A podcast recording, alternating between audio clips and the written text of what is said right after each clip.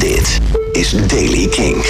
Nieuws over Pearl Jam, Oom, The 1975 en weer nieuwe muziek van Muramasa. Dit is de Daily King van dinsdag 14 januari.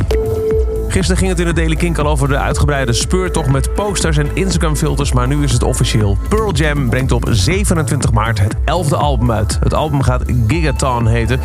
Het is het eerste album van de band sinds 2013. En er is ook een titel bekendgemaakt van de eerste single. Die gaat heten Dance of the Clairvoyance.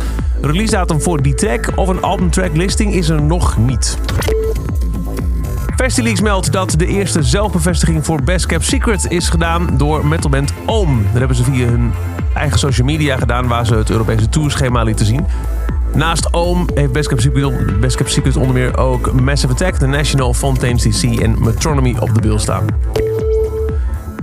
Matt Healy van de 1975 heeft bevestigd dat het vierde album, Notes on a Conditional Form, is uitgesteld. In eerste instantie zou het uitkomen op 21 februari, maar tijdens een live chat op Instagram maakte hij bekend, sorry voor de fuck op, dat het nu op 24 april uitkomt.